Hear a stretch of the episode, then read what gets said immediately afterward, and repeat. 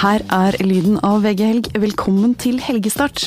Vi har et aldeles nydelig gjestepanel her. Artist Ida Jenshus, som i det siste er blitt en kløpper på å gjøre ting hun ikke kan. Psykologspesialist Jan Ole Hessenberg, som er her for å fortelle hva som skjer de gangene du plutselig sier eller gjør noe som er så merkelig at det overrasker til og med deg selv. Og VG-reporter Ingunn Salpenes, som har avdekket at det er flere norske menn enn norske kvinner som mener at stjernetegn påvirker kjærlighetslivet deres. Jeg tenkte vi skulle ta en liten eh, rundspørring i panelet her. Altså, Ida Jenshus, du har bursdag 25. april.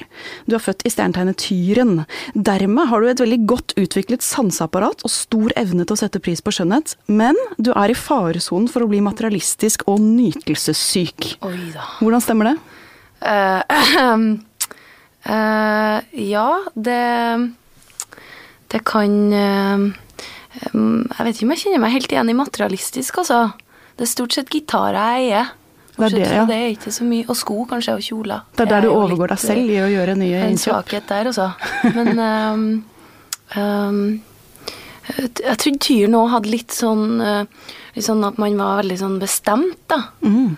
Og litt sånn egen. Ja, og det Jeg vet stemmer. ikke. Det, det stemmer. Det har jeg lest før, nemlig. Nettopp. Ingunn Salpenes, du er jo født i Krepsen 14. juli. Du er opptatt av bolig og veldig god på familieliv, er du. Og så er du utpreget medfølende. Men du kan altså ha et litt stort trygghetsbehov og bli litt sånn overkant forsiktig. Eh, ja? Ja. Det var spot on. ja, jeg syns det stemmer ganske bra. Fantastisk. Eh, Jan Ole Hesselberg, du skulle jo vært skorpion.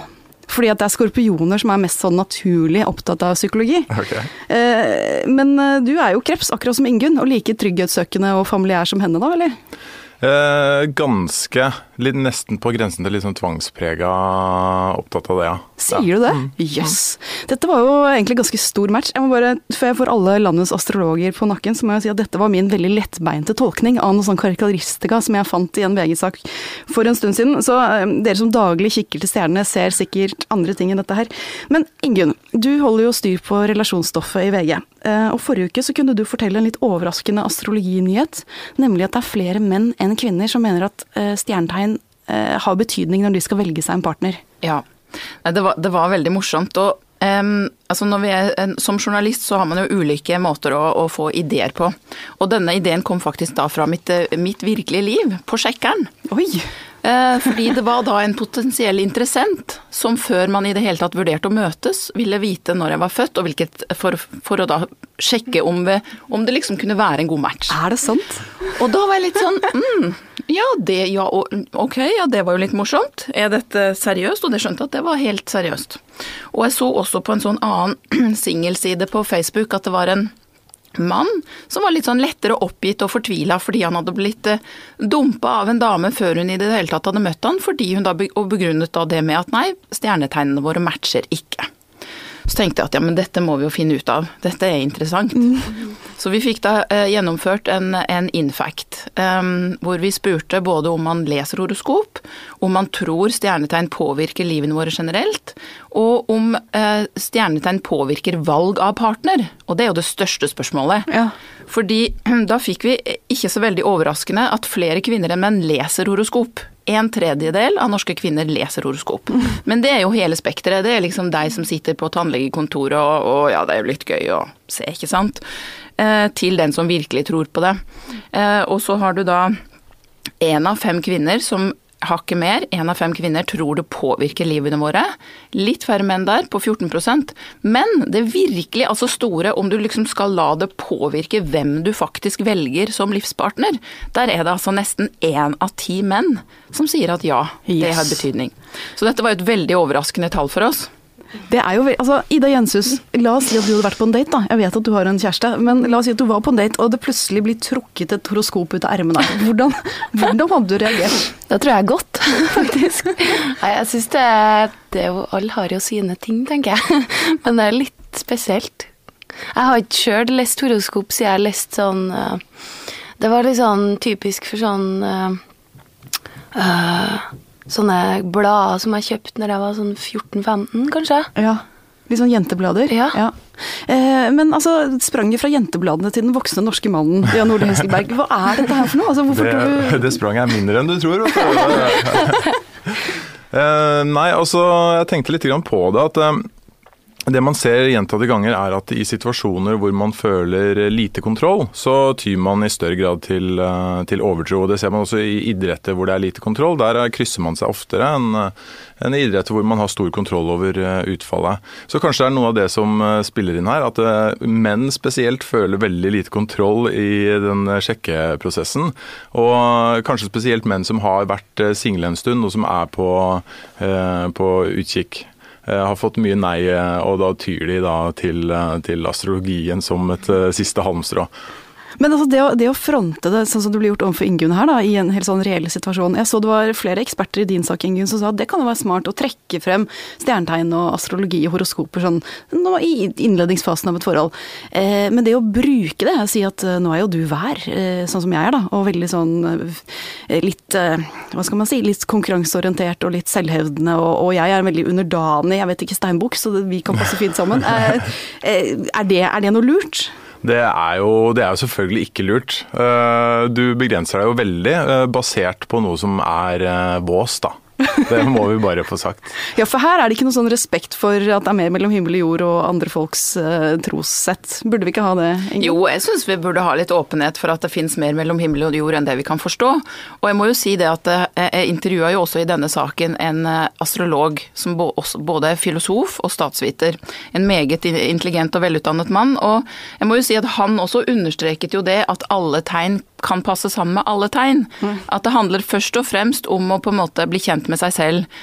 Og at hvis du da forstår hvordan den andre er, i, de, i denne verdenen, da basert også på stjernetegn, eh, så vil du ha mye større toleranse, empati, for den andre. Og da blir det lettere å leve sammen, og du får mindre konflikt. Men det du, det du snakket eh, om at ekspertene Jeg snakka jo også med professor i eh, psykologi, Frode Tuen, og sexolog Bianca Schmidt, og det de mente var at det, i en sånn innledende fase hvor du, hvor du blir kjent, så kan dette også være litt gøy.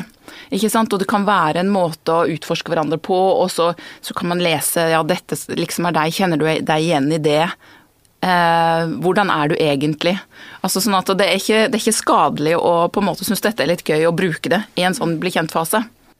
Men det gjelder å ikke, ikke gå altfor langt inn i det, da kanskje. Jeg, jeg, kan jo bli litt sånn slem og tenke at dette er mannen som har gitt opp alt annet. Dette er den mannen som ikke har fått seg noe på kjempelenge, som sitter og liksom vender blikket mot nattehimmelen. Eh, har du noe råd til hva han ellers kunne gjort? Jan Ole? Nei, altså jeg tror, jeg tror som det blir sagt her at det må være Hvis det skal være der som et element, så må det være der som et uh, sånn samtaleemne som kan, uh, som kan bringe liksom, uh, to personer videre sammen. men ikke som en eksklusjonsfaktor. Da har man plutselig utelukka veldig mange av potensielle partnere der ute som, som er antageligvis en dårlig idé. da. Tenk på alle fine fiskene det går glipp i. Ja, ikke sant. ja. Ida Jenshus, mm. gratulerer med ny plate. 'Starting Tusen Over Again'. Ja. Hvordan føles det?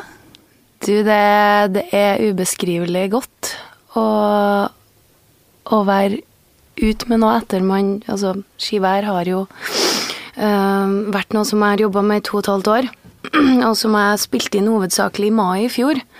Uh, så kom det jo en del av den EP-en som kom i høst. I fjor høst. Let it go. Um, så nå er jeg, jeg er veldig klar for å dele den og komme ut på veien og la låtene få bare leve sitt eget liv videre med, med bandet. Mm. Mm. Du ble intervjua i VG fredag, og der sier du at uh, mens de andre vennene dine på din alder altså 27, du har vært artist i ti år, så du har holdt på med dette mm. lenge. Nå driver de og, og stifter familie og får barn og gifter seg og går inn i det vanlige hverdagslivet. Mens mm. du lager musikk og Les stjernetegn. Les stjernetegn og går på turné. Eh, kan du noen gang savne det vanlige livet?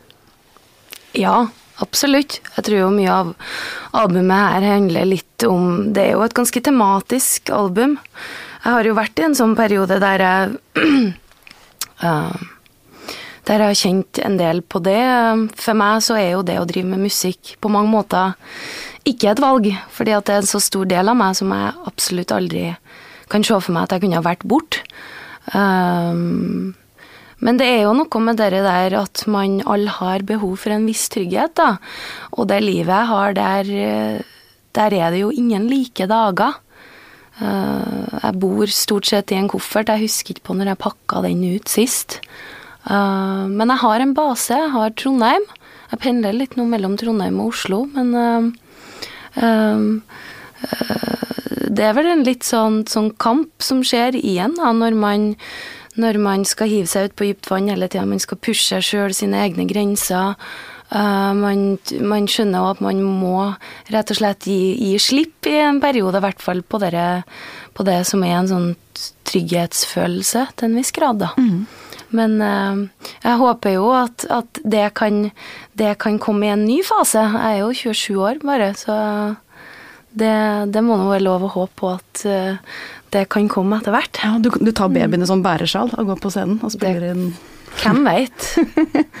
du, um, dette her med å gi slipp på tryggheten. Uh, du sier at du bl.a. gjør det ved å ta på et instrument som du ikke egentlig kan spille, så spiller du på det likevel. Uh, hva er det det gir deg, det må liksom hoppe litt mer uti ting? Det kommer egentlig fra en periode der jeg følte at jeg er en sånn person som har hatt veldig behov for, for kontroll for å vite inn og ut uh, hvordan jeg skal gjøre ting når jeg gått på scenen, så har jeg planlagt det så mye at det har føltes ut som det blir et sånn veldig rutinepreg. Uh, og det tror jeg jo altså både jeg sjøl merker, men òg at det smitter veldig over på et publikum og en lytter, da.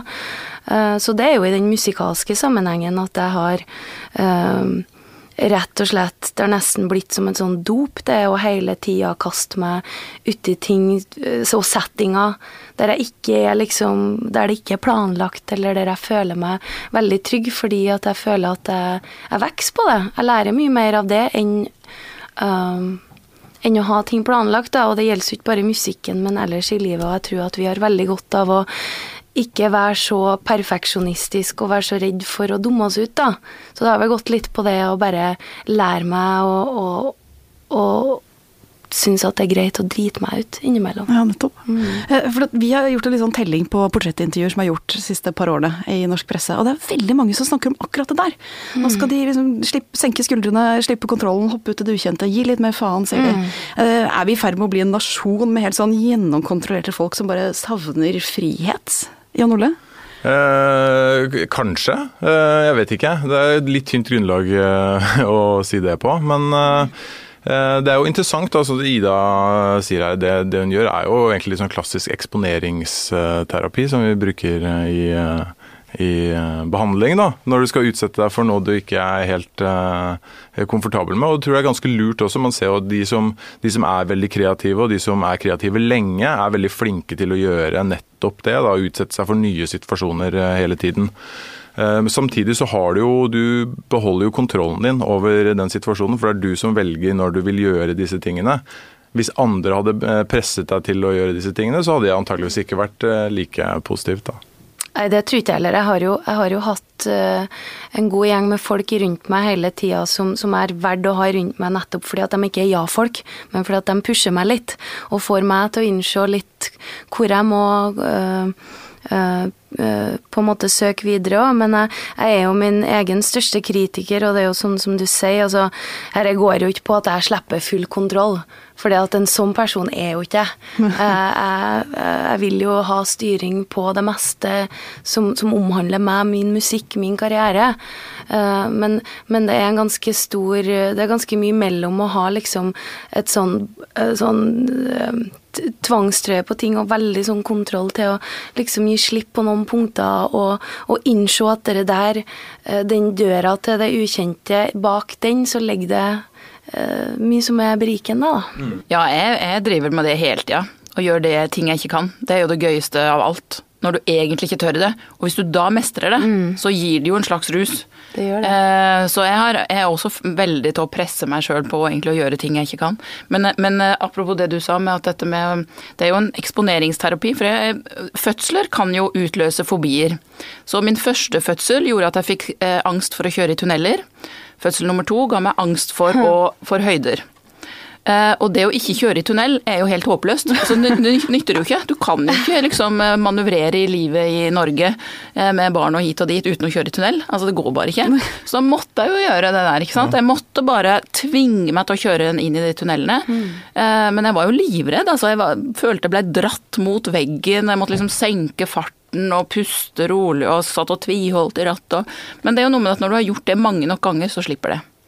Så, og kurer, så kurerte jeg, da hadde jeg jo lært, da, ikke sant? så jeg, da kurerte jeg høydeskrekken som kom da på fødsel nummer to, ved å male et hus, så til slutt, og gradvis høyere og høyere opp, så til slutt så sto jeg liksom og balanserte der oppe i mønet. Og da skjønte jeg nå er jeg kurert. Og du får malt huset i tillegg, det er jo perfekt. Ja, ja. Genialt. Ja. Jeg tror et klart råd fra panelet må være eksponer deg selv, menneske. Bare gjør det. Jan Ole, vi har jo dratt deg hit i dag for å snakke om våre helt vanlige multiple personligheter. altså, eh, av og til så gjør alle sammen eh, noe som overrasker selv oss selv. Eh, altså, jeg kan plutselig sitte og le veldig høylytt av en utrolig teit blondinevits, og jeg er ganske blond, da. Eh, og jeg ler ikke av det vanligvis, eh, men hvis sjefen forteller det, så syns jeg plutselig det er litt morsomt. Jeg bana en gang også for å imponere en gjeng med gutter og forfrøs føttene mine, og jeg har lidd for det ever since. Men vi strekker oss langt, vi mennesker, for å bli likt av andre. Veldig, vi strekker oss eh, veldig langt, det gjør vi absolutt. Hva er det rareste du selv har gjort da, for å tilpasse deg noen? Oi, det vet jeg ikke om egner seg på VG Helg-podkasten. Og det involverer nok eh, det motsatte kjønn for, for min del, da. Og nakenhet, eller? Eh, nei, kanskje ikke nakenhet, men eh, veldig mye sånn kurtiseringsfasen, da.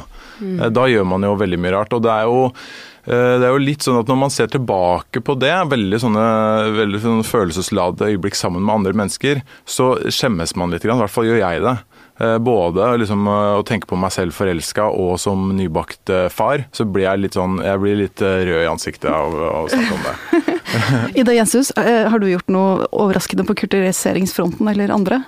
Du, jeg holder på å tenke litt på det akkurat nå. Hva er øh, Jeg kjenner meg jo litt igjen i den fasen. Det tror jeg jo alle, alle gjør. Jeg tror det man er jo man er villig til å strekke seg ganske mye, mye lengre. Kanskje litt sånn øh, øh, øh, Kan jo nevne det, f.eks. Min, min kjære. Jeg husker på i startfasen, han er jo ikke noe glad i sushi, men jeg husker på at han skulle imponere meg og spise sushi, da. Men det skjedde kun én gang. Og så var Det det, var da. aldri mer sushi? Nei. Da hadde han hanka deg inn? Ja. Ja. Men Det altså, det er en eh, vitenskapsjournalist, um, Rita Carter, som sier at dette her med at vi driver og tilpasser oss og gjør ting som kan være litt sånn overraskende for oss selv, det er nærmest et uttrykk for at vi har forskjellige personligheter som vi bruker der hvor det passer.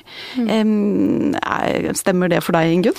Ja, man blir jo veldig påvirka av både det, liksom, den sosiale rammen rundt det du er på, og de menneskene du møter. Så jeg føler at jeg kan være alt fra den der veldig vulgære, kanskje til og med morsomme i noen sammenhenger, og så er den veldig rolige, milde, moderlige, forståelsesfulle i andre. Eh, Så jeg føler at jeg, at personligheten meg, det er egentlig et ganske stort spekter, da. Men eh, er det altså rent sånn psykologfaglig, da, Jan Ole, kan man kalle det at vi har forskjellige personligheter? Det høres jo litt sånn spooky ut også. Ja, det er nok eh, Hun Carter drar nok det litt eh, for langt, da. Og det ligger jo i, i definisjonen av personlighet at det er noe som er stabilt over tid. Og det, det er det ingen tvil om at vi har noe, med mindre du slår hodet ditt kraftig eller får noen sykdommer, så, så har vi noe som er ganske stabilt fra situasjon til situasjon. Og det er ikke kjempestore overraskelser veldig ofte når du, når du ser på hvordan du var som barn og hvordan du ble som eh, voksen. sånn Trekk som ut hvor utadvendt du er og hvor engstelig du er og sånne ting, er ganske stabile over tid. Men så har du jo selvfølgelig eh, det faktum at vi mennesker er ekstremt sosiale dyr og er helt avhengige av andre mennesker.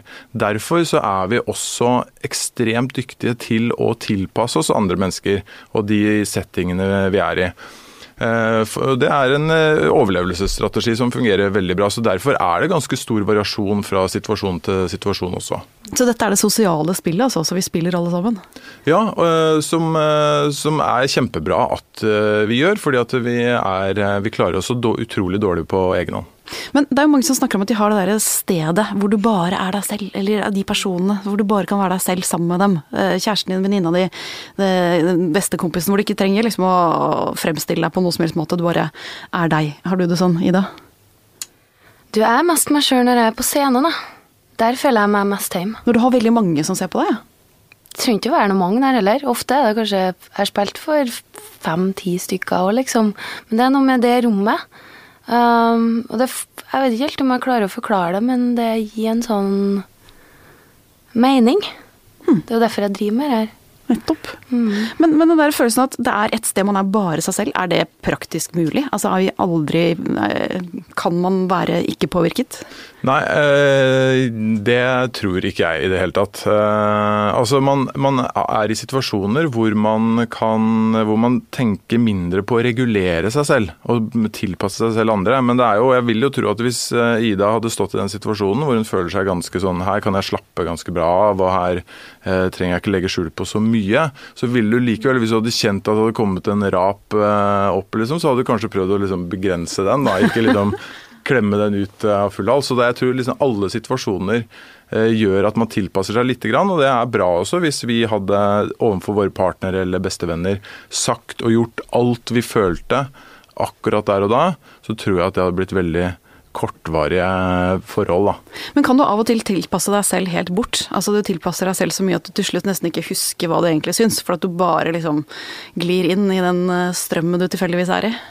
Det, altså, det, er jo en veldig vanlig problemstilling, og veldig mange av de terapiene jeg har, eh, handler jo om nettopp det. At du, at du, setter deg selv på hold, og at eh, du, eh, du lar barn, ektefeller, venner Eh, få eh, få spillerom, mens du i altfor liten grad eh, tenker på deg selv. Altså, det er ganske mange som har det som en utfordring, helt klart. Men er det en større utfordring enn det motsatte? Altså Hvis du bare turer frem med kompromissløs deg selv. Da får du vel kanskje større problemer? Ja, det er jo gjerne de vi kaller psykopater eller sånn antisosiale og sånn. Altså, da må du velge, da. Er du, vil du være den personen med liksom et eh, nettverk og venner som uh, blir kanskje litt tråkka på noen ganger, eller vil du være den helt andre enden av skalaen som, uh, som skyver folk fra seg? Det beste er selvfølgelig å være noe uh, midt imellom. Ja, den gylne vil meg også mm. her. Ja. Ingunn, hvordan, jeg må spørre, hvordan gikk det med den der daten? Han som lurte på hvilket stjernetegn du var i? Nei, nei, nei det, var, det, ble jo aldri noen date. Det gjorde ikke det, nei. Nei, nei. så det var nok ikke så kompatibelt. Nei, skjønner. Eh, noe råd for helgen eh, fra deg? Ja, jeg, jeg, tenkte på det når han eh, snakka om dette med at man kan risikere å bli for selvutslettende. Så tenker jeg at et godt råd er faktisk å også elske seg selv og ta vare på seg selv. For det er en forutsetning for å også kunne elske og ta vare på andre kan være fint i helgens forskjellige situasjoner. Eh, Jan Ole Hesselberg? Nei, jeg ville, jeg ville sagt uh, å ta en god frokost med egg og bacon. Ja. Uh, det syns jeg er kjempegodt, så det skal jeg gjøre. Ida Jensus? Um, ja, altså, helg er jo ofte jobbtid for meg. I hvert fall når jeg er på turné. Men akkurat i helga så er jeg fri, så jeg vil anbefale folk å bare bruke tid. Bruk god tid på noe. Enten å Bruk god tid på å lage et ordentlig måltid, eller bare slå av telefonen og bare liksom Vær, da. Veldig bra. Eh, og fra meg, få med dere alt VG har å by på, både av podkast og på print og på nett og alt det der innimellom. Eh, Magne Antonsen har vært produsent for denne sendingen. Helt innerst inne i podkasten sitter Marte Spurkland. Vi høres igjen neste uke.